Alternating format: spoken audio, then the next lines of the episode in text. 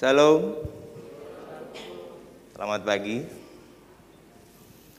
Bapak, Ibu, Saudara yang terkasih, Majelis GKI Gejayan menyampaikan selamat datang dan selamat beribadah kepada semua warga jemaat yang hadir pada saat ini dan juga jemaat yang berada mengikuti live streaming di mana pun berada.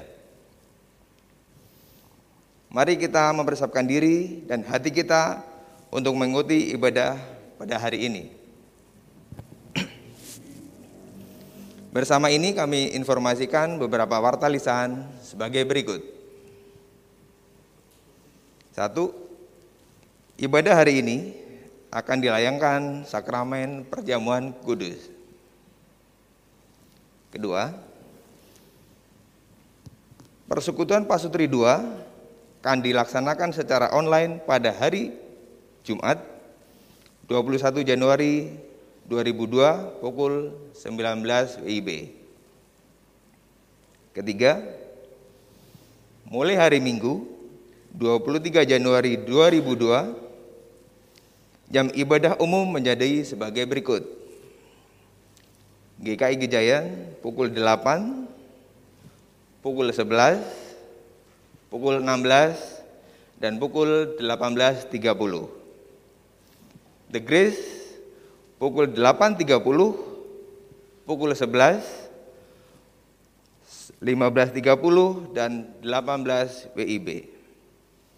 Ibadah berlangsung tetap secara onsite terbatas dan dengan reservasi dan prokes ketat. Yang keempat,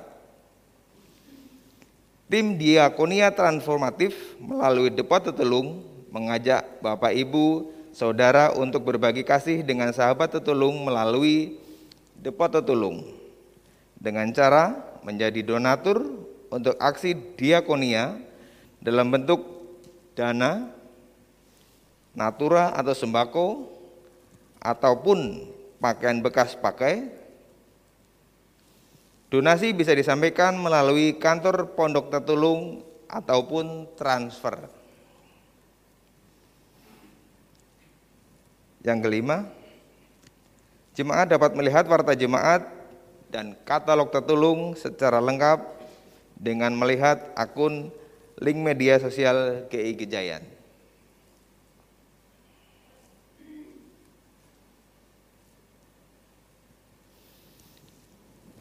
Ibadah pada hari ini dengan tema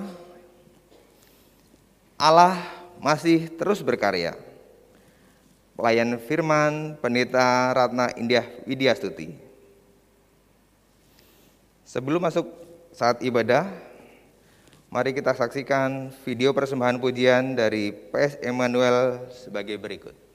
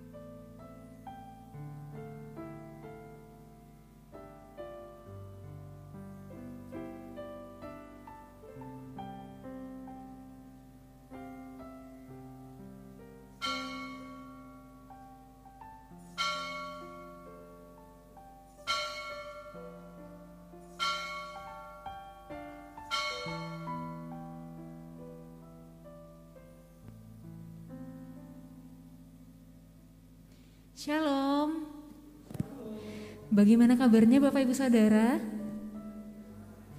Puji Tuhan, saya percaya kita semua yang hadir dalam ibadah ini, baik kita yang ada di dalam ruangan ibadah maupun Bapak Ibu Saudara yang mengikuti ibadah dari tempat masing-masing, saya percaya kita semua dalam keadaan yang baik. Mari Bapak Ibu Saudara, kita mau mulai ibadah ini dengan bangkit berdiri.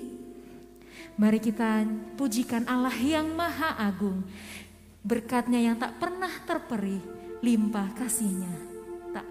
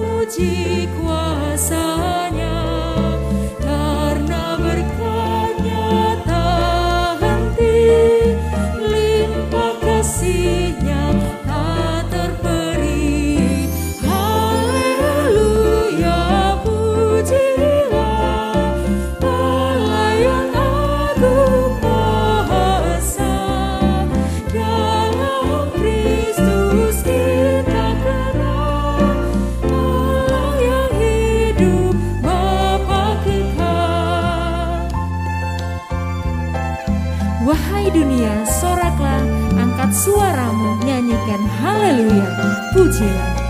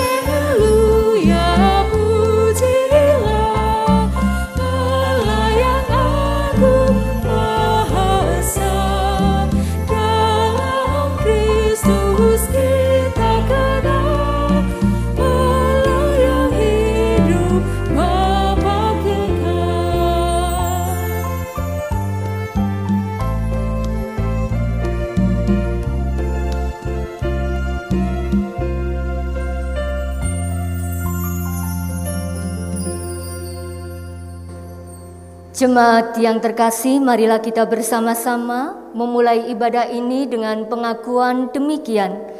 Pertolongan kita adalah di dalam nama Tuhan yang menjadikan langit dan bumi, yang kasih setianya tetap untuk selama-lamanya, yang memelihara umat manusia di tengah pergumulan dan goncangan kehidupan. Amin.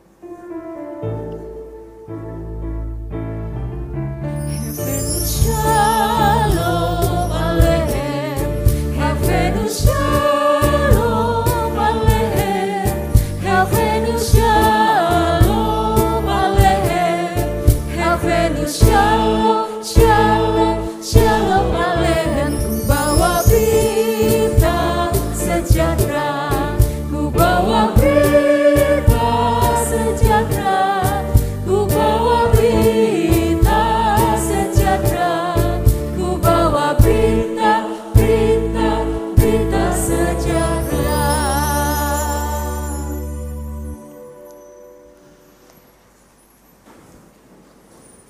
Shalom Bapak Ibu yang terkasih di dalam Tuhan.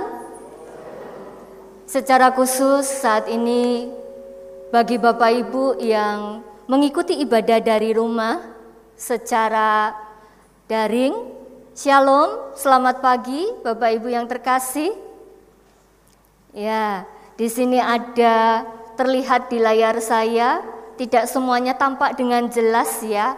Ada Ibu Sembiring yang senantiasa setia mengikuti ibadah melalui live streaming dan juga ada Ibu Heni, di sini ada Pak Teddy, ada Bu Nelly dan juga ada masih ada yang lainnya ya.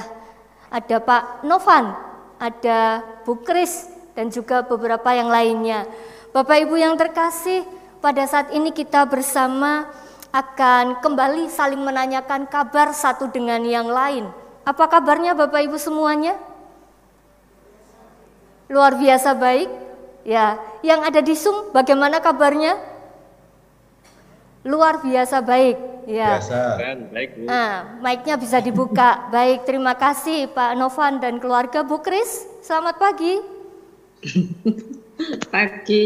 Iya, bagaimana kabarnya, Bu? Baik. Baik, sehat semua? Puji Tuhan. Puji Tuhan. Bu Sembiring, selamat pagi Ibu. Selamat pagi Bu Ratna. Selamat pagi, selamat hari Minggu Tuhan. untuk Ibu dan juga Bapak. Ya, ada Bu Heni, Bu Joko, selamat, selamat pagi. Selamat pagi. Iya, selamat pagi. Baik, Bapak Ibu yang terkasih, kalau berbicara tentang mujizat, biasanya kita akan langsung mengarahkan pikiran kita kepada begitu banyak hal yang spektakuler, sesuatu yang tampaknya luar biasa, berbeda dari yang biasanya.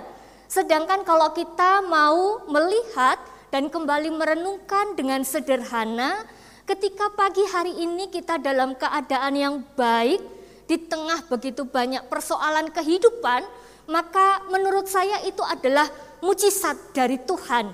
Jadi kita harus menyadari bahwa melalui hal-hal yang kecil-kecil sebenarnya itu adalah mujizat yang diberikan oleh Tuhan. Persoalannya adalah kita itu sering kali terkena penyakit kulino Bapak Ibu ya. Kalau orang Jogja bilang kulino itu terbiasa Saking terbiasanya, loh biasa kok kalau pagi buka mata, matanya baik-baik saja begitu ya. Loh biasa kok kalau setiap pagi bangun dalam keadaan yang seperti ini, semuanya karena terbiasa.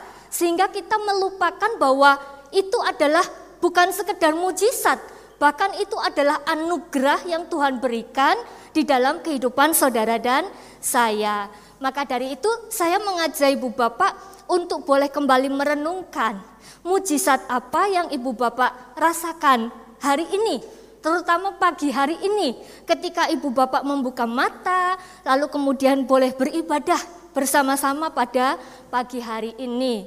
Saudaraku, pada pagi hari ini, kesempatan ini juga saya mengajak ibu bapak yang mengikuti ibadah secara uh, live streaming dengan YouTube dari uh, kediaman masing-masing bagi saudara yang rindu didoakan, boleh menuliskan di kolom chatting dan nanti akan didoakan bersama-sama. Demikian Bapak Ibu yang terkasih, Tuhan Yesus memberkati. Selamat beribadah.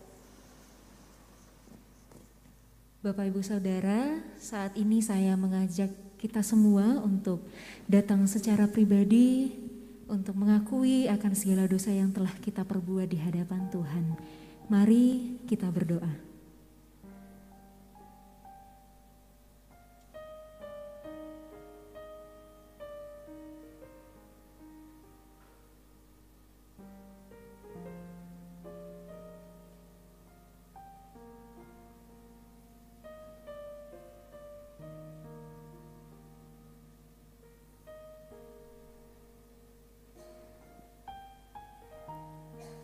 Ya Bapa yang Maha Pengasih, ini pengakuan dosa kami yang kami bawa dengan kesungguhan memohon pengampunan yang hanya daripadamu.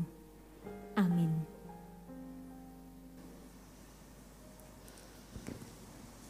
Jemaat yang terkasih, bagi setiap kita yang telah mengakui dosa di hadapan Tuhan, diberikan berita anugerah sebagaimana tertulis di dalam ratapan pasal 3 ayat 22 hingga ayat 23.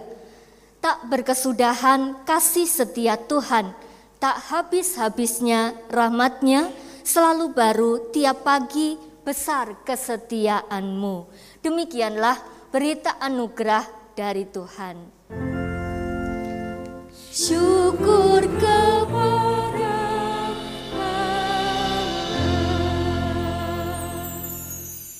Kasih setia Tuhan tidak pernah berkekurangan di dalam kehidupan kita. Amin. Meskipun mungkin Bapak Ibu Saudara banyak hal yang terjadi dalam kehidupan kita yang tidak sesuai dengan harapan kita. Namun satu yang kita percaya bahwa apa pun itu Allah turut bekerja di dalamnya. Karena ia telah merancangkan masa depan yang penuh harapan bagi saya dan saudara. Allah turut bekerja.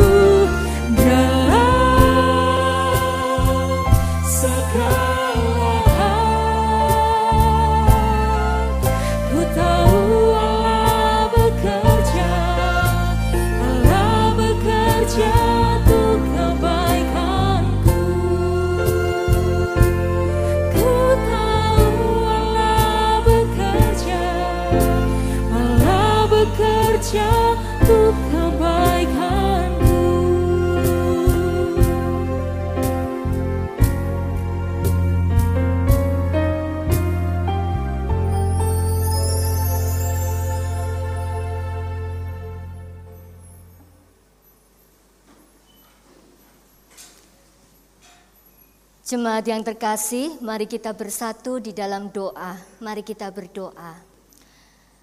Tuhan Allah Bapa, kami menyadari Engkau adalah Allah yang senantiasa mengasihi kami.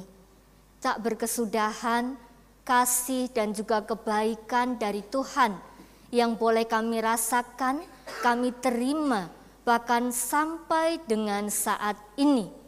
Kami mengucap syukur untuk itu semua. Dan terlebih ketika pada saat ini kami bersama boleh ada di tempat ini atau juga kami yang saat ini beribadah dari kediaman kami masing-masing.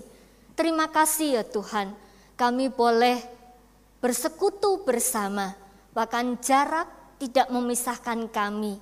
Terima kasih. Dan pada saat ini ketika kami bersama akan mendengarkan sabdamu, Tuhan kiranya memberkati dan menolong setiap kami.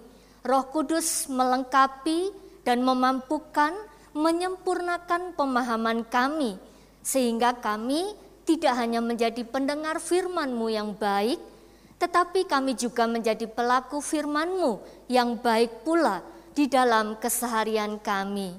Tuhan Yesus, kiranya Engkau Allah juga menolong dan juga memberkati hamba-Mu yang akan menyampaikannya, agar setiap kebenaran firman-Mu yang akan disampaikan sungguh boleh menjadi berkat dan seturut dengan kehendak-Mu. Di dalam nama Tuhan Yesus Kristus, Sang Firman yang hidup, kami telah berdoa. Amin.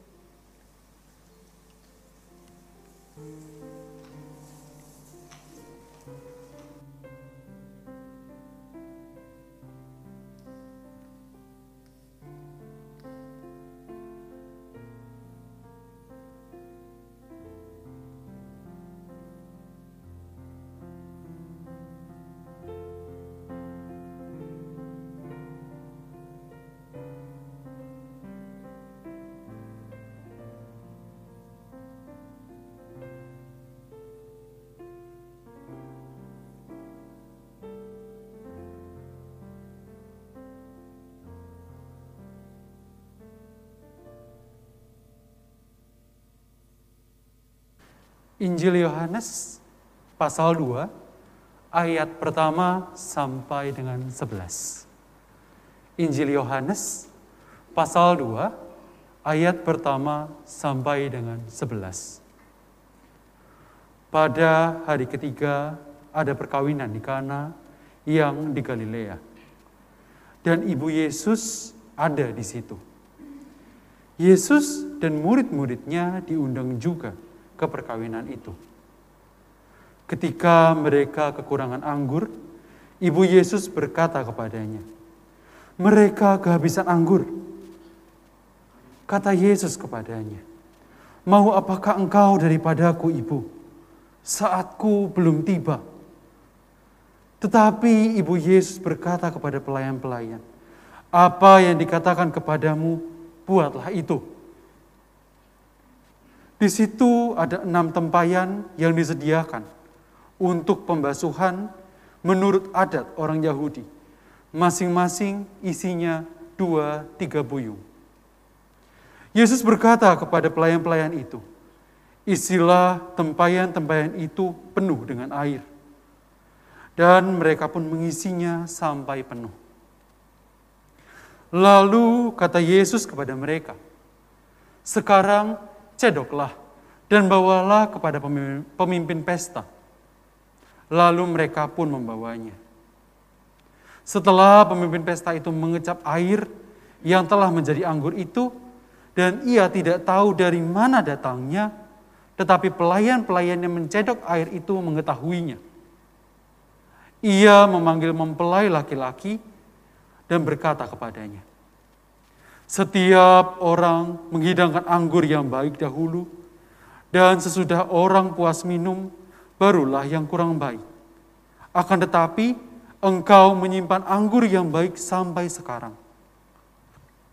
Hal itu dibuat Yesus di Kana yang di Galilea sebagai yang pertama dari tanda-tandanya, dan dengan itu ia telah menyatakan kemuliaan, kemuliaannya dan murid-muridnya percaya kepadanya. Demikianlah Injil Yesus Kristus. Berbahagialah saudara yang menerima berita Injil, menyimpan di dalam hati, dan menerapkannya dalam hidup sehari-hari. Haleluya.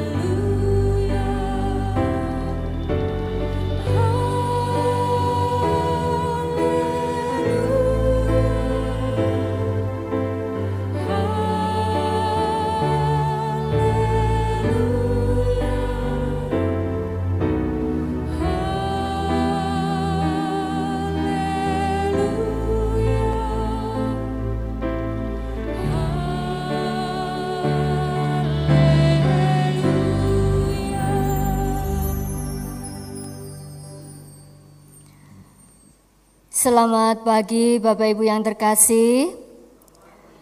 Selamat hari Minggu untuk kita semua. Saudaraku, hari ini kita bersama akan merayakan perjamuan kudus. Bapak Ibu yang terkasih, jikalau kita memperhatikan, kalau tadi kita menyimak bacaan kita yang terambil dari Yohanes 2 ayat 1 sampai dengan ayat yang 11, maka sesungguhnya bacaan itu tidak sedang memperlihatkan tuan pesta yang mengalami kegelisahan. Bacaan itu tidak sedang memperlihatkan tuan pesta yang sedang merasakan ketakutan karena apa? Karena ada kekurangan anggur di dalam pesta perkawinannya. Jadi ini adalah sesuatu yang memang unik saudara. Namun mujizat itu terjadi justru bagi mereka yang sedang tidak menyadari bahwa mereka membutuhkan pertolongan dari luar diri mereka, saudaraku. Nah, tetapi hari ini kita akan ya melihat ya, kalau dilihat dari apa yang terjadi kan kelihatan ceritanya bahwa mempelai itu tampak biasa-biasa saja gitu kan? Seolah tidak sedang terjadi apa-apa. Lalu kemudian yang kembali menegaskan itu adalah ketika pemimpin pesta menyatakan kekagumannya kepada mempelai laki-laki. Jadi ketika pemimpin pesta itu datang kepada mempelai laki-laki lalu kemudian mengatakan bahwa e, anggur yang disediakan itu adalah anggur yang baik bahkan sampai yang terakhir pun yang terbaik itu masih seperti itu saudaraku. Jadi sebenarnya mempelai itu tidak tahu apa yang sedang terjadi di belakang saya pun juga membayangkan gitu ya, di mana-mana yang namanya orang ketika sedang menikah gitu ya, menjadi mempelai, lalu kemudian sedang ada di pelaminan, tidak mungkin lalu kemudian panitianya, keluarganya tiba-tiba datang naik ke atas pelaminan dan mengatakan anggurnya kurang begitu ya, tidak karena mereka sedang menjadi raja dan ratu, saudaraku. Jadi biasanya apa yang terjadi di belakang itu memang tidak disampaikan. Nah, tetapi uh, saat ini kita akan melihat sesuatu yang cukup berbeda, saudara. Di sini kita melihat bahwa ada yang ditolong, tetapi kemudian juga ada yang menjadi penolong atau yang menolong. Nah, suatu saat Mungkin kita pernah menjadi orang yang ditolong, saudara. Tetapi jangan lupakan bahwa suatu saat nanti pun kita bisa dipakai oleh Tuhan untuk menjadi penolong, untuk menolong orang lain yang ada di sekitar kita. Nah, kita lihat dulu bagian pertama, saudara. Kalau kita menjadi orang yang perlu ditolong, Ya, kalau kita menjadi orang yang sedang mengalami kesulitan, tetapi mungkin kita tidak menyadari bahwa kesulitan itu ada di dalam kita, di dalam kehidupan kita. Nah, saya mau mengajak ibu bapak yang sudah menikah. Ini yang sudah menikah ya. Yang belum jangan dulu. Kembali coba diingat Bapak Ibu, ketika Bapak Ibu itu mempersiapkan pernikahan Bapak Ibu dulu itu ya. Bagaimana persiapannya kira-kira? Ya, baju pengantin Bagaimana? Oh, apalagi anak-anak zaman sekarang gitu ya. Mungkin bajunya bisa pesan dari luar kota, begitu ya. Bahkan mungkin bisa pesan dari luar negeri, saudara. Itu semua sudah dipersiapkan dengan baik. Karena tidak ada seorang pengantin yang ingin terlihat kurang pada hari bahagia mereka, secara khusus pengantin perempuan biasanya Bapak Ibu ya. Lalu kemudian bagaimana undangan itu dipersiapkan. Saya rasa hari ini begitu banyak pilihan Nah ini edisi pandemi undangannya undangan virtual Bapak Ibu yang mungkin kita tidak pernah pikirkan. Kalau dulu berupa lembaran kertas begitu, lalu kemudian sekarang secara uh, virtual cukup menarik sekali begitu ya. Itu undangan. Undangan jangan sampai ada yang salah. Perhatikan gitu ya. Penulisan nama, Apalagi kalau mau disebarkan, dibagi undangannya yang manual itu ya, itu tidak boleh ada yang salah, saudara. Harus ada list yang betul begitu. Lalu kemudian yang berikutnya konsumsi, saudaraku. Ini tidak kalah gitu ya. Biasanya e, semuanya dipersiapkan dengan baik. Bahkan ada apa namanya eh, waktu ketika keluarga pengantin akan mencicipi terlebih dahulu makanan minuman yang akan disajikan kepada uh, undangan, tamu undangan yang ada, saudaraku. Lalu kemudian yang berikutnya apa itu ya? Cincin pernikahannya ada orang yang simple begitu ya, tetapi juga ada orang yang menginginkan yang unik, yang terbaik. Jadi kalau sampai urusan cincin aja mungkin tidak cukup satu bulan itu bisa diselesaikan atau didapatkan saudara. Lalu kemudian yang berikutnya adalah misalnya souvenir. Jadi dari hal yang sangat prinsip sampai dengan hal yang sederhana yang tidak terlalu prinsip saudara, semuanya itu dipersiapkan dengan sebaik mungkin. Semuanya itu diperhitungkan dengan sedetil mungkin karena apa? Karena tidak ingin ada kekurangan di sana, saudara ya. Nah, terutama ini konsumsi. Jadi kalau konsumsi saya teringat mungkin rumusnya berbeda-beda satu dengan yang lain, Bapak Ibu. Tetapi yang namanya tuan pesta, orang yang punya acara pasti berpikiran lebih baik makanan konsumsi yang disediakan itu e, berlebih daripada nanti kekurangan, saudara maka rumus yang digunakan itu misalnya seperti ini.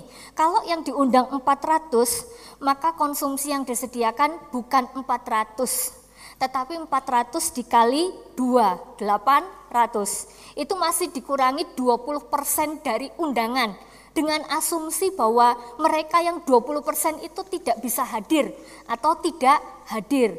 Jadi untuk 400 undangan kira-kira makanan atau konsumsi yang disediakan itu adalah untuk 640. Nah, tetapi beda-beda, masing-masing orang berbeda-beda. Ada yang memang tidak mau nanti kekurangan. Jadi tetap dihitung dua kali lipat dan juga seterusnya. Karena apa? Karena kalau sampai kekurangan, maka itu akan menjadi sesuatu yang tidak baik itu memalukan nama keluarga. Nah, Bapak Ibu yang terkasih, bagaimana dengan perkawinan di Kana? Saya membayangkan sama saja. Tentu mereka sudah mempersiapkan dengan sedemikian rupa. Mereka sudah mempersiapkan segala sesuatunya dengan sebaik mungkin, dengan sedetil mungkin.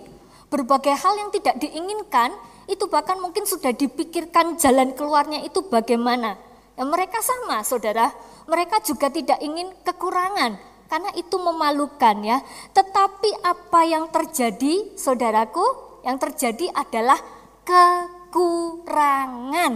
Nah ini saudara, kenapa masih terjadi kekurangan? Ada begitu banyak faktor yang mempengaruhi ya. Secara logika bisa kita uh, sampaikan yang pertama adalah perhitungan yang meleset. Jadi mungkin uh, perhitungannya kurang tepat itu bisa jadi ya yang hadir lebih banyak dan seterusnya. Mungkin bawa anak bawa cucu bawa siapa lagi begitu ya itu mungkin bisa jadi meleset saudara ya. Lalu kemudian yang berikutnya adalah tradisi pesta perkawinan di Yahudi itu tidak seperti kita hari ini satu hari cukup begitu ya. Tetapi bisa berlangsung sampai bahkan hampir satu minggu jadi saudara bisa bayangkan seberapa banyak konsumsi yang perlu dipikirkan, terutama kalau dalam hal ini adalah anggur, ya. Maka ini bukan uh, sedikit, saudara. Bisa juga kemungkinan yang terakhir adalah keluarga yang kurang mampu atau keluarga yang biasa-biasa saja, sehingga memang mereka kurang di dalam mempersiapkan hal semacam ini ya. Tetapi kenyataannya begini Saudara, tanpa mereka ketahui, mempelai tidak tahu, ternyata mereka itu mengalami kekurangan anggur. Itu mungkin tidak pernah terduga, tidak diduga oleh mereka. Kalau mungkin saat itu oleh keluarga mereka. Nah, Bapak Ibu yang terkasih, bagaimana dengan kita pada saat ini ya Saudara? Apakah kita pernah mengalami hal yang serupa? Ya, serupa tapi tidak sama, Saudara. Kekurangan anggur seperti dalam peristiwa perkawinan di Kana ini, Saudaraku. Mungkin kita sudah merancang studi kita dengan sedemikian rupa, Saudara. Kita sudah membayangkan bahwa oke, okay, studi saya akan selesai di semester yang berikutnya tetapi karena kondisi pandemi sehingga itu mengubah segalanya. Loh, kok akhirnya saya harus cuti ya itu kenapa? Karena orang tua tidak sanggup mengirimkan biaya untuk melanjutkan studi dan seterusnya. Ketika kita mengajukan beasiswa mungkin ya ketika kita mengajukan beasiswa dan kita tidak mendapatkannya, semuanya menjadi bubar jalan, saudara. Ketika kita memutuskan untuk kuliah selesai tahun sekian, ternyata belum seperti itu ya. Lalu kemudian misalnya ketika kita berharap dengan pekerjaan kita, kita sudah merancang, oh ya nanti tahun depan saya mentargetkan bahwa saya bisa naik paling tidak itu ya naik jabatan dan seterusnya tetapi kenyataan yang di depan itu meleset saudara eh bukan naik jabatan malah di PHK, saudara.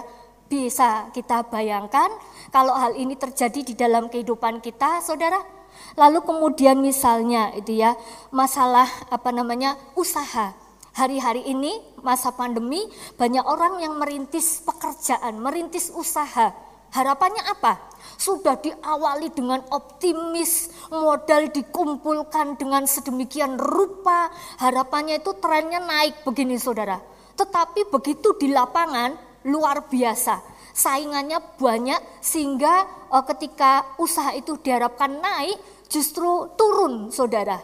Nah ini meleset saudara, meleset dari apa yang sudah kita persiapkan saudara. Atau mungkin ketika kita sudah menjaga kesehatan kita dengan sedemikian rupa supaya kita tidak sakit, supaya kita tidak terpapar COVID. Mungkin ada dari saudara yang mengatakan gitu ya, loh aku dapat dari mana ya? Gitu ya. Kok aku nggak ke mana-mana? Aku menjaga prokes dengan sedemikian rupa gitu ya. Jadi apa yang sudah dirancangkan sudah dipikirkan sedetil mungkin itu tidak sesuai dengan harapan atau tidak sesuai dengan rencana. Nah saudaraku kita mau belajar dari peristiwa Yesus mengubah air menjadi anggur. Apa yang bisa kita lakukan kalau kita menjadi pihak yang perlu ditolong tadi saudara ya. Yang pertama adalah belajar melibatkan Tuhan dan belajar untuk percaya kepada Dia. Sepertinya ini mudah, sepertinya ini sederhana. Tetapi kita harus cermati betul-betul melibatkan Dia itu apa? Melibatkan Dia itu artinya hadirkan Dia dia mesti ada bersama dengan kita. Hadirkan dia di dalam kehidupan kita yang kemudian kalau melibatkan itu berarti mengizinkan dia untuk turut campur tangan di dalam kesulitan kita. Nah, ini di sini masalahnya. Kadang kita merasa bahwa diri kita masih mampu. Kadang kita merasa bahwa diri kita ini masih kuat. Mengizinkan dia turut campur tangan itu bukan persoalan yang sederhana. Karena kalau kita sudah berkata, Tuhan, mari turut campur tangan, maka kita harusnya mengizinkan dia mengerjakan dengan caranya, saudara. Bukan dengan cara kita, bukan dengan caraku. Karena kalau kita memerintah dia dengan cara kita, dengan caraku, maka kita sedang membatasi, membatasi apa yang hendak Tuhan lakukan. Kadang kita tidak sadar bahwa apa yang dia mau kerjakan itu jauh lebih besar dari apa yang sedang kita pikirkan. Jadi mengizinkan dia turut campur tangan itu rupanya tidak sederhana. Percaya. Nah ini apalagi kata percaya itu ya. Percaya itu berarti kita tidak takut, kita tidak khawatir. Bagaimana Bu? Apa itu mungkin gitu ya? Di tengah situasi yang seperti ini. Loh ini beras habis loh ya di rumah tidak ada makanan. Percaya percayanya bagaimana bu? Itu ya. Ini memang cukup rumit saudara. Tetapi di dalam kesulitan di dalam pergumulan kita diajak untuk melibatkan dia dan percaya sepenuhnya kepada dia. Biarkan dia bekerja dengan caranya ya. Bagian kita apa saudara? Bagian kita yang kedua itu saudara ya. Datanglah padanya. Nah ini Pertanyaannya adalah apakah ketika kita mengalami kesulitan, kekurangan, apakah kita datang kepada Dia? Sebagaimana ditunjukkan dalam cerita ini, Saudara. Maria datang kepada Yesus untuk memberitahukan masalah apa yang sedang terjadi di belakang sana, itu ya. Masalah apa yang terjadi dengan anggur itu, Saudara, yang dihadapi oleh kedua mempelai. Jadi sebagaimana Maria memberikan contoh datang kepada dia, maka bagian kita adalah datanglah kepada Dia. Apa yang harus dilakukan? Yang harus dilakukan adalah beritahukan kesulitan kita, ya. Sampaikanlah kesulitan kita kepada Dia. Nah, ini berikutnya pertanyaannya adalah kepada siapakah kita datang? Apakah kita datang kepada Dia yang adalah Tuhan atau kita datang kepada manusia atau kita datang kepada yang lainnya, Saudara? Harapannya adalah kita datang kepada Dia. Lalu yang berikutnya, yang ketiga, apa yang bisa kita lakukan, Saudara? Taat kepada Dia. Nah, ini sekali lagi, tampaknya ini kata-kata sederhana, tetapi semuanya ini tidak sesederhana yang kita bayangkan. Siapa yang bisa kita temukan dalam teks kita hari ini? Mereka adalah orang yang taat, saudara. Setidaknya ada dua ya. Yang pertama adalah Maria. Maria ya. Maria taat. Saya kagum. Sebagai seorang ibu, dia tidak memaksakan kehendaknya. Saya tahu bagaimana menjadi seorang ibu itu ya. Ketika kita memiliki apa namanya keinginan yang kuat terhadap anak kita, maka kita bisa uh, meminta dia dalam tanda petik mengatur dia karena kita punya otoritas atas dia ya. Kalau sekarang lakukan ini begitu ya. Itu seperti itu Saudara. Tetapi Maria mengambil bagian yang luar biasa. Maria taat ketika Yesus mengatakan saatku belum tiba. Ya, bahkan kata yang digunakan bukan mau apa engkau daripadaku ibu. LAI memberikan uh, terjemahan ibu, tetapi dari kata aslinya itu adalah perempuan atau wanita. Mau apa engkau wanita daripadaku begitu Saudara? Lalu dikatakan saatku belum tiba. Ya, di situlah Maria menyadari bahwa siapakah siapakah dia yang sedang ada di hadapannya Ya, dan kata saatku belum tiba ini dikaitkan sebenarnya dengan peristiwa penyalipan dan kebangkitan Yesus, Saudara. Karena kata aslinya itu, Saudaraku ya. Tetapi di sini poin yang penting adalah Maria taat karena dia tahu siapa yang ada di hadapannya. Lalu kemudian orang yang kedua yang taat adalah para pelayan, Saudara, para pelayan ya. Di sini hmm, sebentar, saya kembali dulu ke slide yang sebelumnya bisa ditolong, dibalikkan dulu, ya. Nah, para pelayan di situ di dalam Yohanes 2 ayat 6 sampai dengan 8. Mereka begitu rupa taatnya, Saudara. Ya dikatakan bahwa istilah tempayan-tempayan itu penuh dengan air di ayat yang ketujuh dan mereka pun mengisinya sampai penuh. Jadi bahkan kata yang detil, perintah yang detil itu dilakukan dengan sempurna, saudara. Lalu kemudian sekarang cedoklah dan bawalah kepada pemimpin pesta dan mereka pun membawanya. Jadi mereka tidak membantah sedikit pun apa yang diperintahkan oleh Yesus kepada mereka. Bapak Ibu yang terkasih di dalam Tuhan, ini salah satu teladan yang luar biasa. Tetapi persoalannya adalah taat itu tidak mudah ya saudara, taat itu tidak mudah. Saya ingin menyampaikan beberapa poin ya saudara. Kalau di situ diperlihatkan ada enam tempayan, lalu dikatakan isinya dua sampai dengan tiga buyung. Nah, satu buyung itu salah satu sumber mengatakan setara dengan kurang lebih 39,5. Ada banyak informasi yang uh, beragam saudara ya. Di situ dikatakan satu buyung itu setara dengan kurang lebih 39,5 liter. Jadi dalam satu tempayan itu ada kurang lebih 80 sampai 120 liter. Nah, sekarang keluarkan HP-nya dan hitung dengan kalkulator atau saudara langsung uh, mencongak ini ya. Berarti 120 80 kali 6 atau 120 kali 6 itu sudah ada berapa saudara? Saudara bisa bayangkan kira-kira tempayannya itu segede apa saudaraku? Gede atau kecil? Gede, gede ya. Nah, kenapa kok bisa besar? Oh, jadi mungkin kita membayangkan tempayan untuk anggur apa mungkin seperti itu gitu ya. Saudaraku, untuk apa tempayan-tempayan dengan yang besar itu ya? Untuk apa air itu? Air itu sebenarnya adalah uh, digunakan untuk uh, pembasuhan dan itu adalah tradisi yang dilakukan oleh orang-orang Israel bangsa Yahudi pada saat itu saudaraku. Jadi seperti ini saudara, uh, tempayan ini disediakan untuk membasuh orang-orang yang akan masuk ke dalam rumah ya. Dan lazimnya setiap rumah itu punya tempayan yang semacam ini.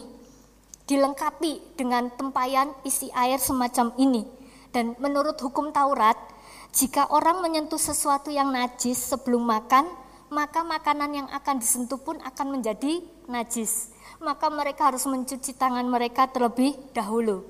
Dan Yesus menggunakan tempayan yang berisi diisi air itu untuk kondisi yang darurat semacam ini saudara. Ini sesuatu yang memang tidak biasanya saudaraku ya. Nah tetapi di sana ada ketaatan. Taat. Mereka mungkin tidak tahu apa yang akan terjadi.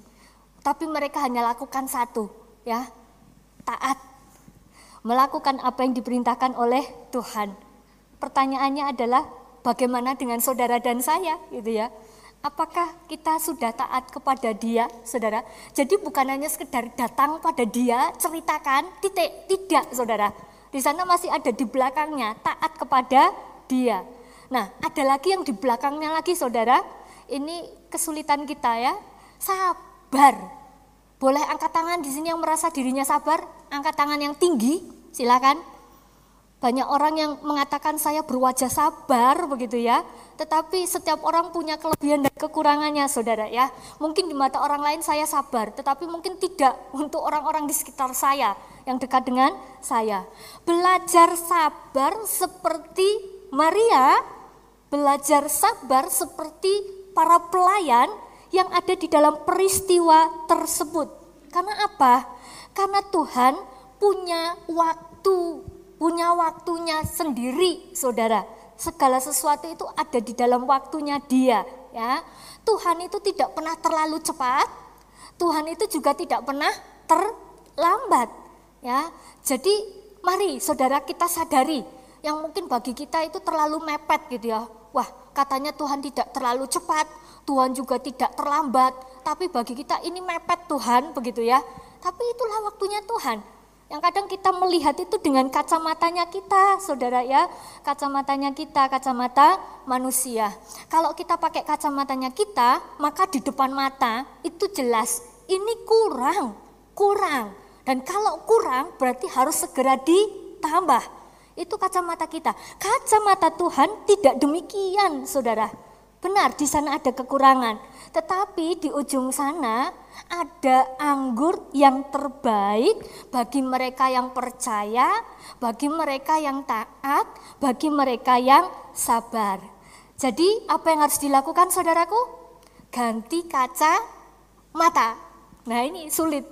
Kadang kalau kita punya kacamata itu ya, kacamata lama dengan kacamata baru. Biasanya lebih nyaman kacamata yang mana?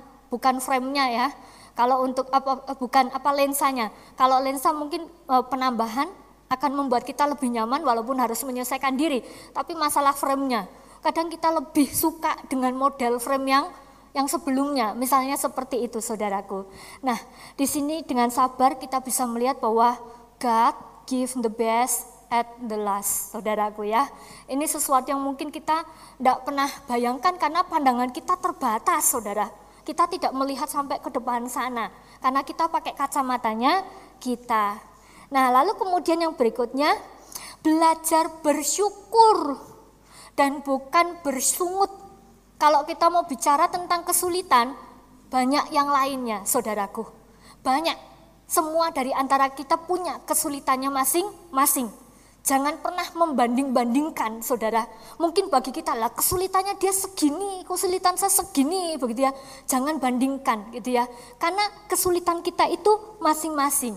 Yang bisa kita lakukan adalah stop bersungut dan perbanyak bersyukur, gitu ya. Karena bersyukur itulah yang akan membuat kita bahagia. Firman Tuhan dalam Tesalonika mengatakan bahwa mengucap syukurlah dalam segala hal. Ya, firman Tuhan tidak pernah mengatakan bersyukurlah dalam keadaan sukacita, ya, mengucap syukurlah dalam keadaan sehat, tidak, tetapi mengucap syukurlah dalam segala hal. ya. Walaupun peristiwa ini memang tidak diketahui secara langsung oleh si mempelai. Dan yang keenam adalah ya, nah ini apakah hari ini kita bersyukur? Boleh angkat tangan yang tadi pagi buka mata dan Tuhan terima kasih gitu ya. Ada? Tuhan terima kasih. Wah, ada ya. Terima kasih hari ini uh, kami masih bisa uh, bangun, masih bisa berkumpul, masih bisa makan dan juga seterusnya. Apa pun itu ya. Walaupun mungkin sarapannya, makannya mungkin hanya ini tanggal berapa ya? Sudah mendekati oh belum ya. Oh masih agak aman ya. Nanti kalau sudah mendekati tanggal tua itu kan wow gitu ya. Menunya berubah Saudara ya. Menunya berubah. Apakah hari ini kita bersyukur? Dan kemudian yang berikutnya adalah dia sanggup kalau kita percaya dia sanggup, dia sanggup mengubah air menjadi anggur, maka dia juga sanggup mengubah keadaan hidup saudara dan saya. Dia sanggup untuk mengubah mengubah beban kita itu ya. Yang tampaknya oleh mata kita itu uh, itu tidak mungkin gitu ya. Saudara pernah membayangkan semut gitu ya. Semut itu kecil ya, Bapak Ibu. Segede-gedenya semut-semut yang besar-besar itu kan. Tetapi saudara pernah melihat semut itu ngangkat apa serangga yang lebih besar daripada dirinya, mengangkat makanan yang lebih daripada besar dan berat badannya, saudara. Pernah ya lihat ya? Kayaknya tidak mungkin gitu ya. Maka saya mau katakan bahwa Tuhan memberikan kemungkinan itu untuk saudara dan saya. Ya, bahwa walaupun kita kecil, kita lemah, kita tidak mampu, kita beban begitu ya, tetapi ada kekuatan ekstra yang kita entah tidak tahu itu dari mana saudara? Tentunya dari Tuhan itu ya, yang memampukan kita untuk terus berjalan. Walaupun beban kesulitan itu harus tetap kita panggul, kita bawa saudaraku. Dia sanggup saudara ya. Tidak ada yang tidak mungkin, tidak ada yang mustahil bagi dia. Persoalannya adalah apakah kita percaya atau kita ragu-ragu saudara. Ya, orang itu kalau ragu-ragu setengah-setengah saudara, itu sulit ya. Tapi kalau orang percaya sepenuhnya, itu akan berbeda sekali. Berikutnya saudaraku, jikalau kita ada di pihak orang yang Tuhan uh, uh, jadikan sebagai penolong gitu ya, apa yang harus kita lakukan? Yang harus kita lakukan adalah miliki kepedulian. Di tengah krisis kekurangan anggur ini, saya rasa Maria perlu diapresiasi, saudara ya. Karena apa? Kita tidak bisa mengabaikan Maria. Maria ini terlepas ada yang mengatakan bahwa mungkin masih ada hubungan dengan keluarga dan lain sebagainya. Tetapi dikatakan dengan jelas bahwa saat itu Maria, Yesus dan murid-muridnya adalah tamu, saudara. Tamu, tamu itu ya. Jadi bukan mereka yang sedang punya acara. Mereka adalah tamu undangan. Tetapi Maria peduli Maria tidak tutup mata, dia membawa persoalan itu kepada Yesus. Nah, bagaimana dengan saudara dan saya? Peristiwa ini mengajak kita supaya kita menjadi pribadi yang memiliki kepedulian, supaya kita menjadi pribadi yang tidak egois. Bahwa bukan tidak mungkin Tuhan itu bisa memakai kita untuk melanjutkan karyanya. Karya Allah itu masih terus ada, saudara. Dan Tuhan rindu melakukannya melalui saudara dan saya pada hari ini. Lalu kemudian yang berikutnya kalau kita menjadi penolong, bagian kedua penting saudara. Selidiki motivasi kita. Apakah kita melakukannya dengan tulus atau kita melakukannya dengan pamrih ya. Kalau tujuan kita menolong itu dengan pamrih atau keinginan untuk dipuji, maka saya mau katakan anda pasti akan kecewa. Saya jamin, saudara ya, saya jamin. Lihat cerita ini. Siapa yang mendapatkan kehormatan? Siapa yang mendapatkan pujian? Apakah Maria yang membawa persoalan itu pada Yesus? Bukan. Apakah para pelayan yang sudah dengan payah mengangkat air, menuangkan air ke tempayan? Bukan. Apalagi Yesus. Apakah Yesus mendapatkan pujian itu? Tidak ya. Jadi bukan. Tetapi yang mendapat pujian adalah mempelai yang bahkan tidak tahu apa yang sedang terjadi di belakang sana, saudara. Maka hari ini kita diajak untuk meluruskan motivasi kita ketika kita menolong orang yang ada di sekitar kita. Lalu kemudian yang berikutnya adalah tentang aku dan mereka, saudara ya. Perhatikan, jikalau Tuhan mengubah air menjadi anggur, anggur yang terbaik, itu bukan hanya untukku, bukan hanya untuk aku sendiri, tetapi anggur itu diperuntukkan bagi orang banyak, saudara. Maka dalam catatan saya begini ya, hati-hati karena untuk orang banyak. Jadi kalau untuk diri kita sendiri, kalau ini benar ini anggur gitu ya, kita bisa mabok saudara ya. Ingat tadi, 6 tempayan dengan kurang lebih sekian liter 80 sampai 120 liter itu berarti ada sekitar 480 sampai 720 liter. Itu kalau kita minum sendiri bukan hanya mabok Saudara, mungkin selesai gitu ya. Maka ketika Tuhan itu melakukan sesuatu sebenarnya Tuhan ingin supaya kita kembali melanjutkannya itu untuk orang-orang yang ada di sekitar kita, saudara. Nah, sekarang apakah pergumulan saudara ya masih karagu datang kepada dia, saudaraku? Lalu kemudian jikalau kita hari ini melihat ada orang yang kesulitan, bagaimana sikap kita? Apakah kita peduli atau kita justru diam saja? Ingat saudara, dia Tuhan rindu memakai saudara dan saya untuk melanjutkan karyanya ya. Lalu kemudian mungkin kita bertanya, apa aku bisa ya? Siapa saya? Apa yang aku punya? Jangan jangan begitu Saudara ya. Lihat kembali siapa sih yang Tuhan pakai untuk menolong Tuhan pesta yang punya acara? Pelayan loh Saudara. Jadi saya mau katakan siapa pun saudara dan saya, siapa pun kita pasti bisa. Sejauh selama motivasi dan kepedulian kita adalah kepedulian yang murni, yang tulus. Sekecil apa pun potensi kita, Tuhan bisa memakai kita menjadi penolong bagi orang lain. Ya. Lalu kemudian yang berikutnya saudara, perjamuan kudus. Hari ini di hadapan kita sudah ada meja perjamuan kudus. Perjamuan kudus ini mengingatkan kita akan penolong yang sejati ya. Karena Yesus rela mengorbankan dirinya di atas kayu salib untuk menebus dosa kita. Dan semuanya itu dilakukan dengan tulus, saudara. Tidak ada pamrih di sana. Dia mengasihi saudara dan saya dengan begitu tulus. Nah, persoalannya adalah pertolongannya tidak berhenti di atas kayu salib. Tidak berhenti puncaknya pada peristiwa itu, saudara. Tetapi sampai dengan hari ini, karyanya masih terus berjalan. Dia rindu memakai saudara dan saya untuk kembali menolong orang lain di sekitar kita. Ingat saudara, ada saat kita ditolong, saudaraku, ya, dan pertolongannya sempurna. Kalau dia tidak mati di atas kayu salib, entah apa yang terjadi dengan kehidupan saudara dan saya. Kita pernah menjadi orang yang ditolong, saudara.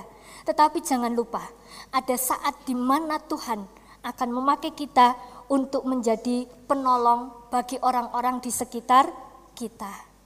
Selamat menghayati pertolongan Tuhan melalui perjamuan kudus. Dan kembalilah pulang ke tempat saudara-saudara untuk menjadi penolong bagi yang lain.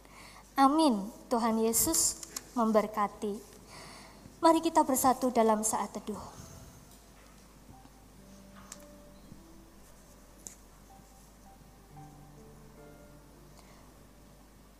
Tuhan Yesus, kami bersyukur. Peristiwa tanda ajaib yang Engkau lakukan mengajarkan kepada kami semua bahwa kami punya Allah yang luar biasa.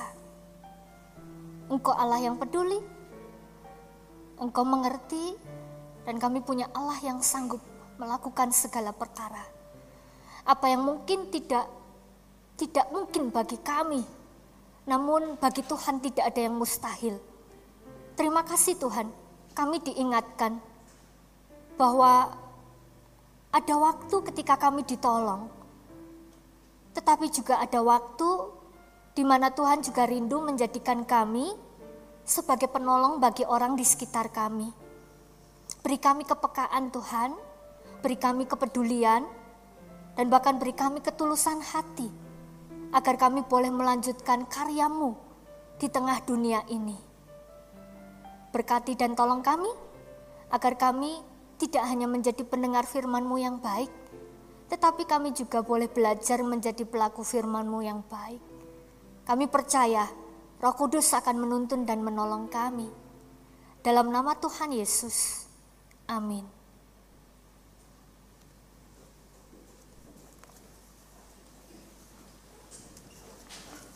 Jemaat terkasih, Bapak Ibu Saudara yang berada di dalam ruangan ibadah bersama kami, juga yang berada di luar ruangan ibadah, di ruangan Galilea, Roma, dan juga di Taman Eden, juga Bapak Ibu Saudara yang beribadah melalui live streaming YouTube dan Zoom, mari bersama-sama kita kembali mengikrarkan pengakuan iman rasuli yang demikian. Aku percaya kepada Allah, Bapa yang Maha Kuasa, Halik langit dan bumi, dan kepada Yesus Kristus, anaknya yang tunggal Tuhan kita, yang dikandung dari roh kudus, lahir dari anak darah Maria, yang menderita sengsara di bawah pemerintahan Pontius Pilatus, disalibkan, mati dan dikuburkan, turun ke dalam kerajaan maut. Pada hari yang ketiga, bangkit pula dari antara orang mati, naik ke sorga, duduk di sebelah kanan Allah, Bapa yang Maha Kuasa. Dan dari sana ia akan datang untuk menghakimi orang yang hidup dan yang mati. Aku percaya kepada roh kudus, gereja yang kudus dan am, persekutuan orang kudus, pengampunan dosa, kebangkitan orang mati, dan hidup yang kekal. Amin.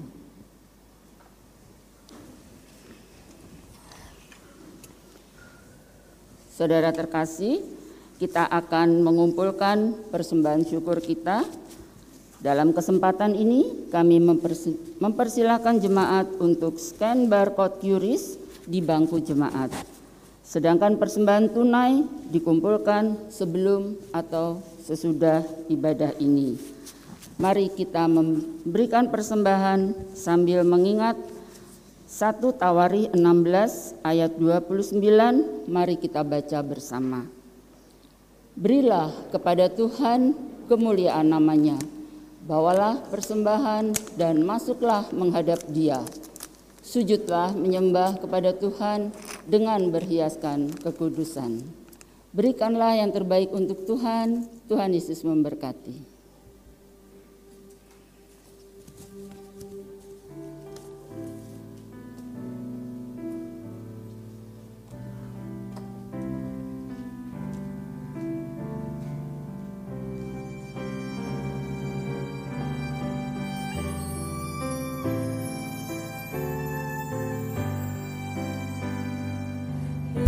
Aku pergi kepadanya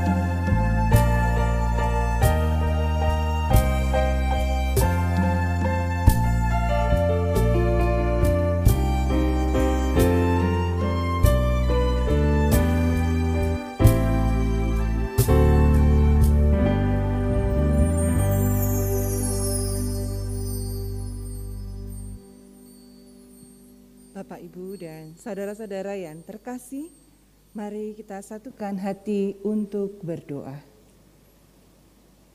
Ya Tuhan yang Maha Kasih, kami ucapkan syukur padamu untuk kasih setia Tuhan yang selalu menyertai kami. Kami juga mengucap syukur untuk firman Tuhan yang boleh ditaburkan oleh hambamu Bapak Ibu Pendeta Ratna. Terima kasih Tuhan, kiranya kami boleh menjadi penolong bagi orang-orang yang membutuhkan di sekeliling kami. Berikan kami hati yang peka untuk dapat melihat dan merasakan kesulitan dan pergumulan dari sesama kami yang membutuhkan pertolongan kami Tuhan. Berkati hambamu Ibu Pendeta Ratna yang sudah memberikan firman dan menguatkan kami pada pagi hari ini, apa pun yang menjadi pergumulan dan harapan Ibu Pendeta kami, kiranya Tuhanlah yang memberkati. Kami pun bersyukur ya Tuhan, karena kami boleh memberikan persembahan pada pagi hari ini. Berkatilah setiap tangan-tangan yang sudah memberikannya. Kiranya Engkau memberkati dengan segala kebaikan-Mu ya Tuhan. Dan kiranya terimalah persembahan kami ini Tuhan. Berkenanlah Engkau dan semoga persembahan kami ini boleh menjadi dupa yang harum di hadapan Tuhan. Inilah doa persembahan kami Tuhan. Dan pada kesempatan ini juga kami mau bersama-sama mendukung saudara-saudara kami yang membutuhkan topangan doa kami. Kami mau berdoa untuk saudara Efraim Stefano yang mempunyai kerinduan untuk memiliki pasangan hidup. Kami mohon penyertaan Tuhan untuk saudara Efraim. Kami juga mau berdoa ya Tuhan untuk setiap siswa dan mahasiswa dalam tugas tanggung jawab mereka di studi masing-masing. Kami mau berdoa untuk anak-anak dari Ibu Ana Triana. Begitu juga untuk saudara Timbo tentang ujian proposal tugas akhirnya.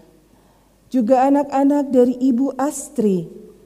Kiranya ya Tuhan, Engkau memberkati saudara-saudara kami ini dalam tugas tanggung jawab mereka menjalankan studinya di sekolah ataupun di kampusnya masing-masing.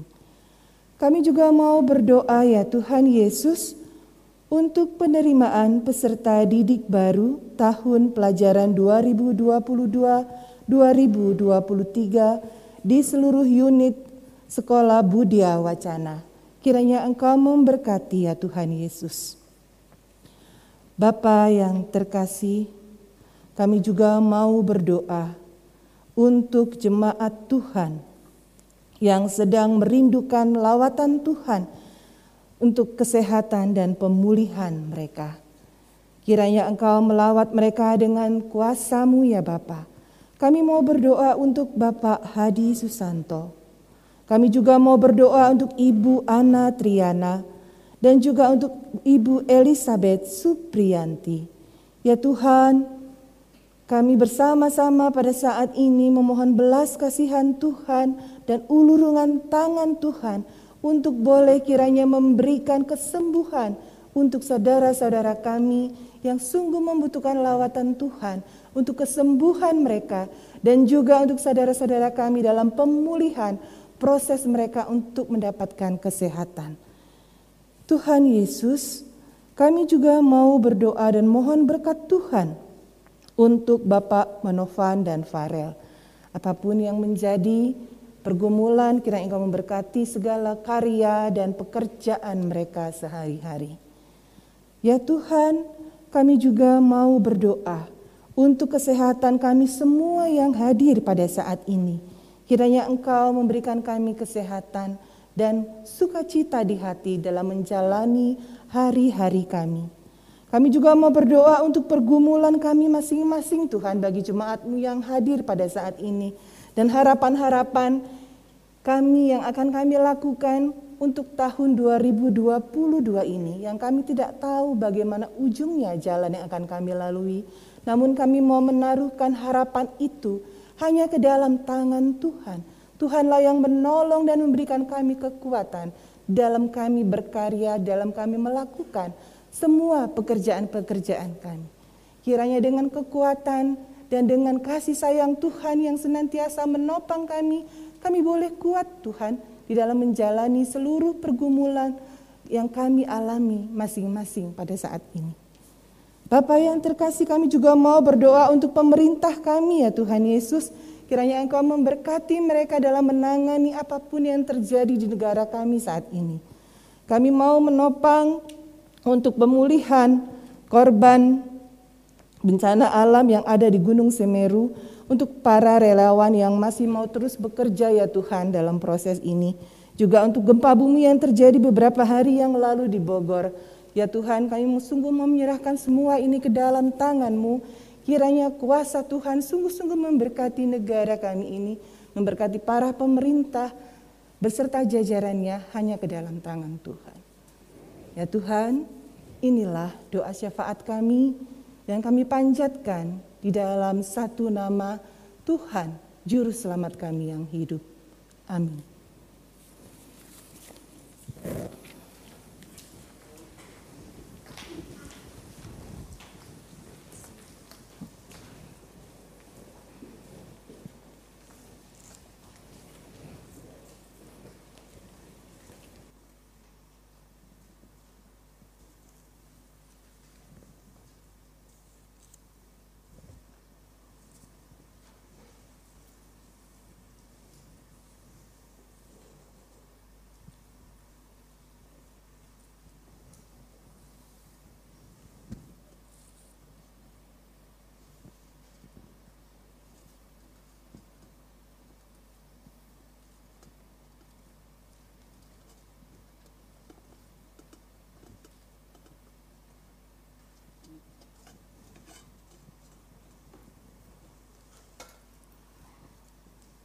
Jemaat yang terkasih, saat ini kita bersama-sama akan merayakan perjamuan kudus.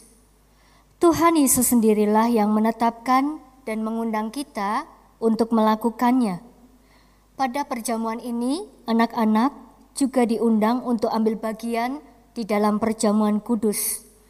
Belajar dari Yesus yang berujar, biarkanlah anak-anak itu janganlah menghalang-halangi mereka datang kepadaku. Marilah kita mengajak anak-anak kita untuk menerima anugerah Tuhan ini. Perjamuan kudus ini diperuntukkan bagi saudara-saudara dan anak-anak kita yang telah dibaptis dan tidak berada di bawah penggembalaan khusus. Dengan penuh sukacita, kami juga menyambut Bapak Ibu Saudara-saudari yang berasal dari gereja lain yang bersedia dan siap untuk merayakan perjamuan kudus bersama dengan kami pada saat ini. Saudaraku, marilah kita mengarahkan hati kita kepada Tuhan dan memeriksa kembali kesiapan kita di hadapan Tuhan. Apakah kita hidup di dalam damai dengan Allah dan dengan sesama kita? Di dalam ketidaksempurnaan kita semua, kita percaya bahwa Allah menyucikan kita dari segala dosa kita dan menyempurnakan pemahaman kita di dalam memahami misteri perjamuan kudus ini. Mari saudaraku kita bersatu di dalam doa syukur. Tuhan Allah Bapa, kembali kami datang membawa doa syukur kami kepadamu. Kami mengucap syukur oleh karena pengorbananmu bagi setiap kami. Terima kasih Tuhan, jikalau perjamuan kudus ini mengingatkan kami akan pertolongan Tuhan yang sempurna. Perjamuan kudus ini mengingatkan kami bahwa kami tidak mampu untuk mencapai keselamatan itu jikalau bukan karena pengorbananmu. Oleh karena itu ya Tuhan, dalam doa syukur ini kami juga memohon kiranya Engkau Allah menolong agar setiap kami dimampukan untuk boleh menghargai apa yang sudah Tuhan kerjakan bagi kami semua. Ini doa dan juga syukur kami di dalam nama Tuhan Yesus. Amin. Saudaraku, Tuhan telah mengampuni dan mempersatukan kita. Oleh karena itu, marilah kita hidup dalam damai dan pengampunan. Damai Tuhan besertamu.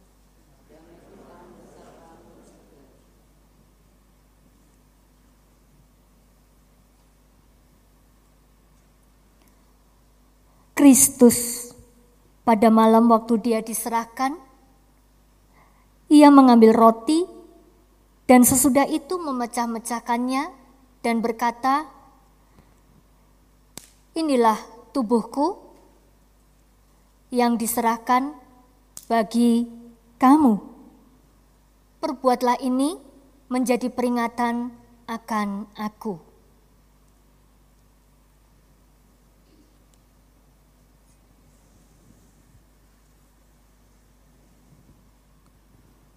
Kristus juga mengambil cawan sesudah makan, lalu berkata, "Cawan ini adalah perjanjian baru yang dimeteraikan oleh darahku. Perbuatlah ini setiap kali kamu meminumnya, menjadi peringatan akan aku."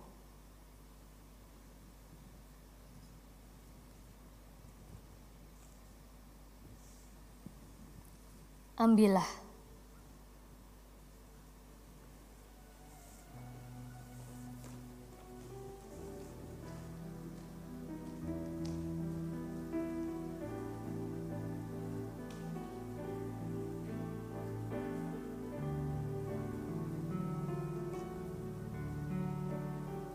Maukah kau jadi roti yang terpecah bagiku?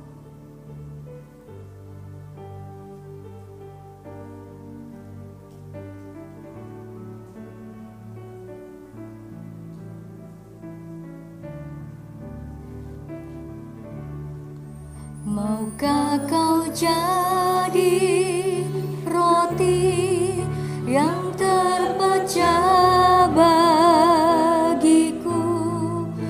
Maukah kau jadi anggur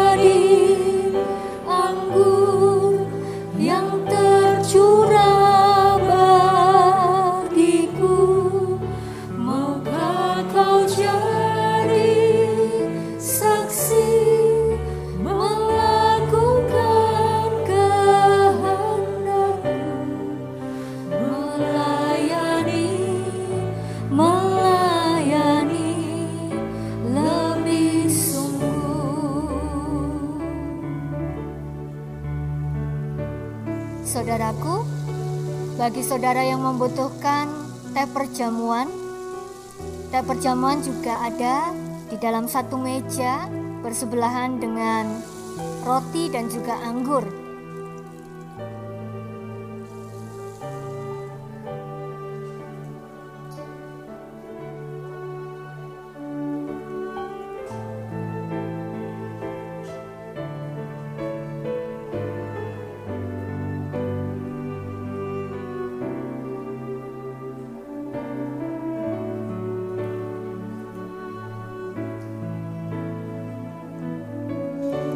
Maukah kau jadi roti? Maukah kau jadi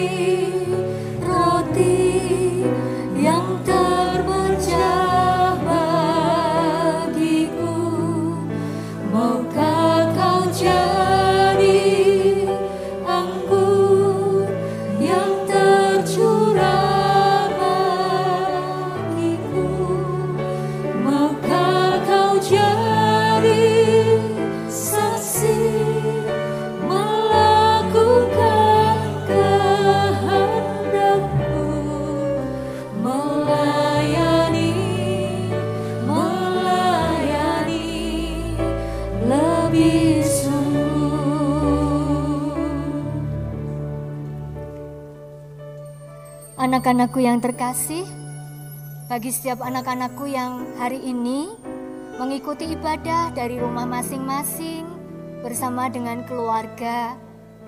Kembali anak-anak boleh memperhatikan dan melihat roti yang saat ini ada di hadapan anak-anak.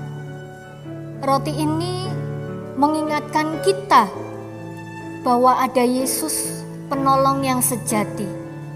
Oleh karena kasihnya, Yesus mati di atas kayu salib untuk menebus dosa kita manusia berdosa.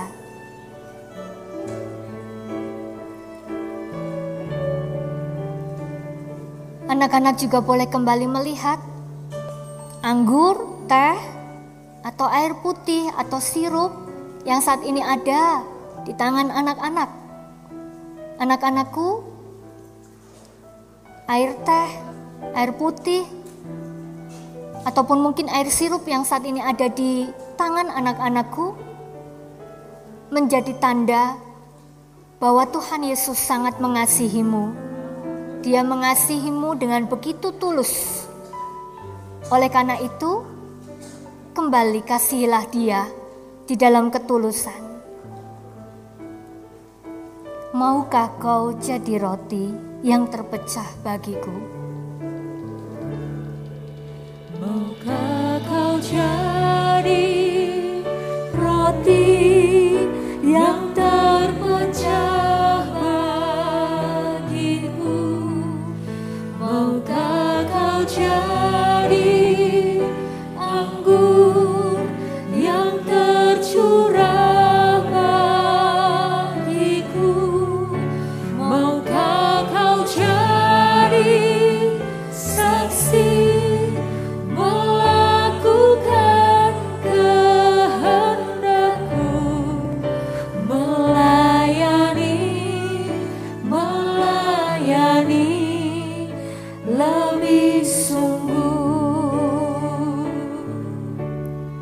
Saudaraku, Roh Kudus menolong kita sehingga kita dipersatukan dalam Kristus, menjadi satu tubuh dan satu roh, dan menjadi persembahan yang hidup bagi Allah.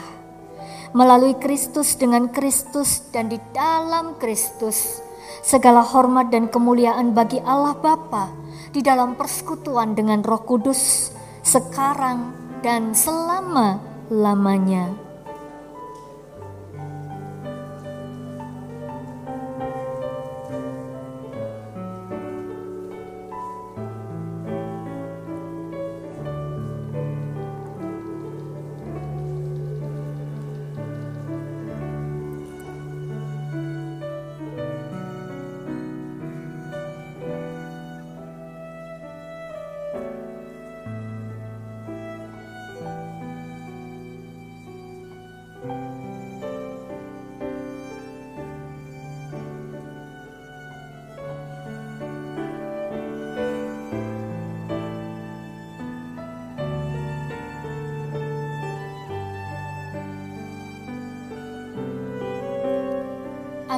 Jadi roti yang terpecah bagimu.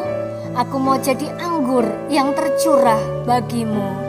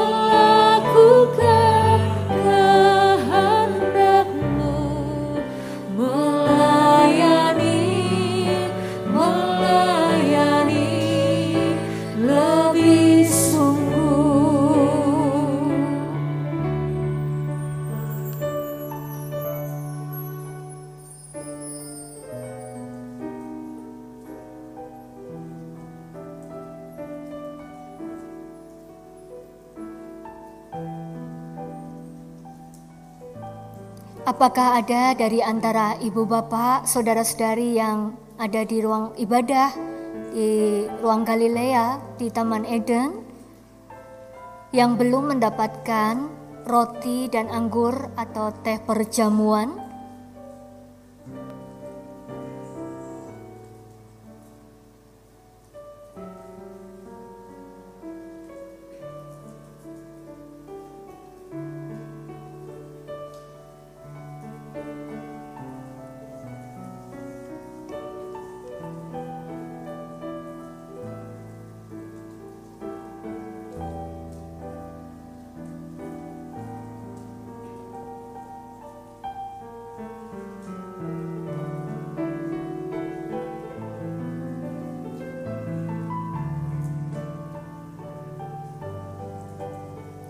Kembali kita nyanyikan bersama, aku mau jadi roti yang terpecah bagimu.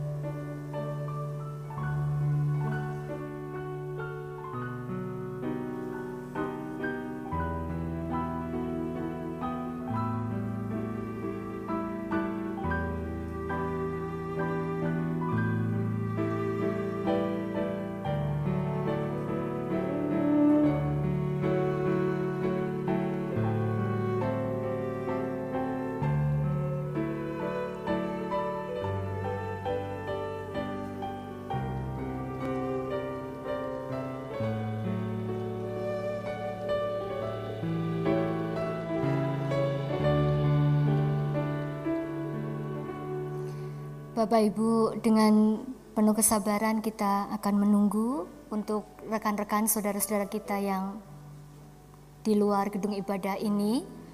Oleh karena itu, pada kesempatan ini izinkan saya untuk menyampaikan yang pertama, Ibu Bapak diperkenankan untuk boleh membuka masker Ibu Bapak pada saat nanti Ibu Bapak kita bersama akan memakan roti perjamuan dan minum anggur perjamuan ini, saudaraku. Tetapi kemudian, setelah semua proses nanti selesai, maka ibu bapak diharap untuk kembali segera memakai masker, bapak ibu saudara sekalian. Lalu kemudian kembali juga menyampaikan bahwa dari sampah untuk tempat roti dan anggur, nanti mohon supaya ibu bapak sambil keluar pulang, ibu bapak boleh membawanya keluar.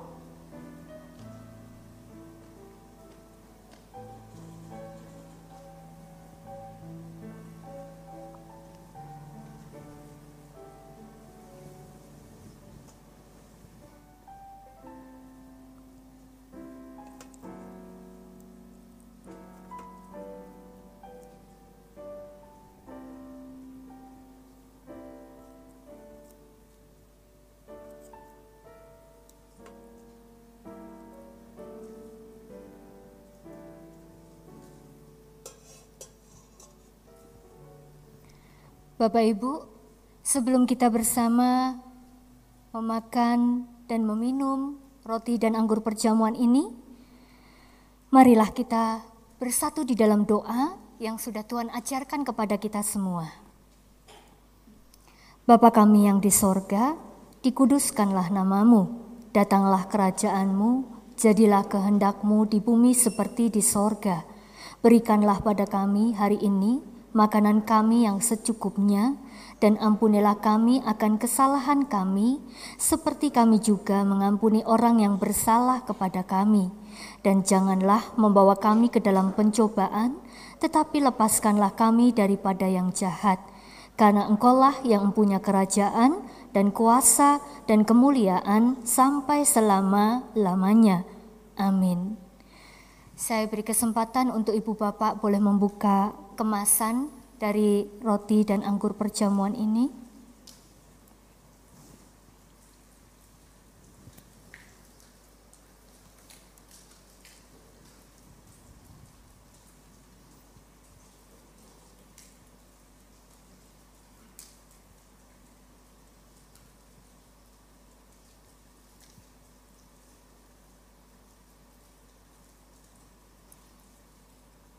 Saudaraku, makanlah sambil ingat dan percayalah bahwa tubuh Tuhan kita, Yesus Kristus, telah diserahkan bagi keselamatan dunia. Mari kita makan bersama dengan penuh syukur.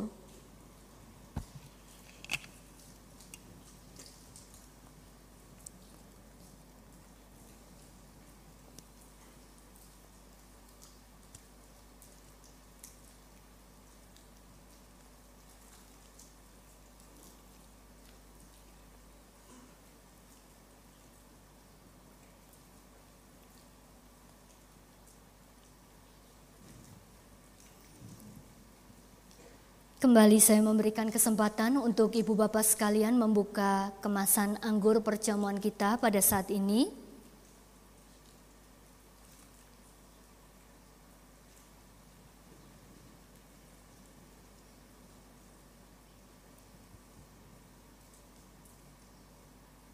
Saudaraku, minumlah sambil ingat dan percayalah bahwa darah Tuhan kita Yesus Kristus telah dicurahkan untuk keselamatan dunia. Mari kita minum bersama dengan penuh syukur.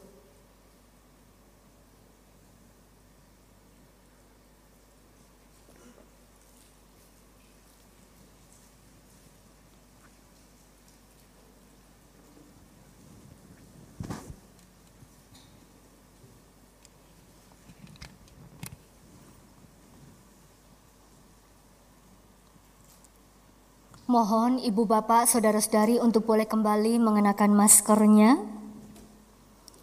Mazmur 103 ayat 8 hingga ayat yang ke-13. Tuhan adalah penyayang dan pengasih, panjang sabar dan berlimpah kasih setia. Tidak selalu ia menuntut dan tidak untuk selama-lamanya ia mendendam. Tidak dilakukannya kepada kita setimpal dengan dosa kita dan tidak dibalasnya kepada kita setimpal dengan kesalahan kita. Tetapi setinggi langit di atas bumi, demikian besarnya kasih setianya atas orang-orang yang takut akan dia. Sejauh timur dari barat, demikian dijauhkannya daripada kita pelanggaran kita. Seperti Bapa sayang kepada anak-anaknya, demikian Tuhan sayang kepada orang-orang yang takut akan dia. Demikianlah perjamuan kudus kita pada hari ini. Tuhan Yesus memberkati.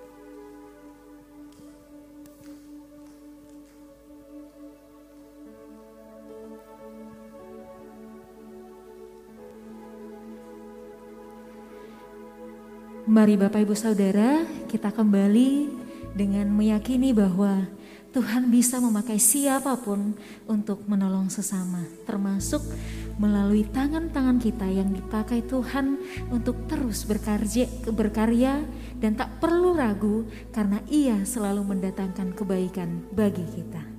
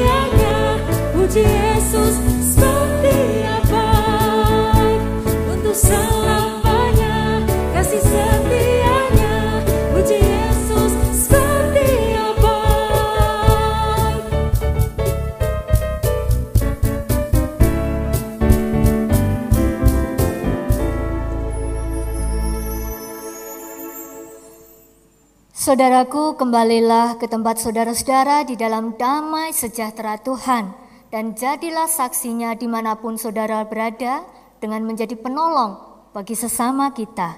Terimalah berkat Tuhan yang meneguhkan dan menguatkan saudara. Kasih Tuhan mengiringimu.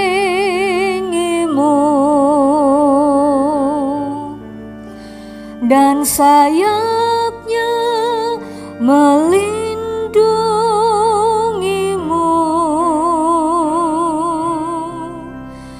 tangan Tuhan pegang di dalam hidupmu. Majulah dalam terang kasihnya. Tuhan memberkati saudara dan melindungi saudara. Tuhan menyinari saudara dengan wajahnya dan memberi saudara kasih karunia. Tuhan menghadapkan wajahnya kepada saudara dan memberi saudara damai sejahtera. Amin.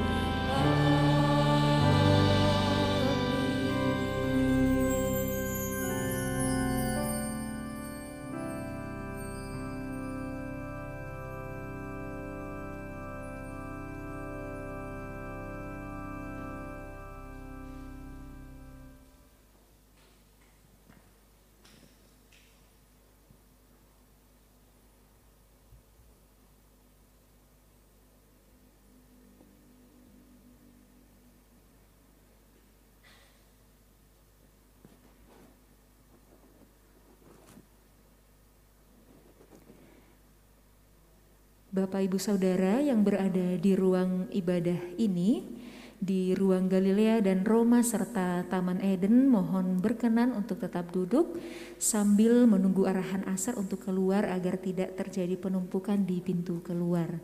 Dan Bapak Ibu Saudara dipersilakan untuk manual check out dari aplikasi Peduli Lindungi apabila Bapak Ibu Saudara meninggalkan area gereja. Dan bagi Bapak Ibu Saudara yang mengikuti ibadah uh, melalui YouTube yang ingin mengikuti fellowship bersama pendeta, penatua dan pembina, nanti dapat langsung bergabung ke link Zoom yang akan tampil pada layar. Selamat berkarya di pekan yang baru. Tuhan Yesus memberkati.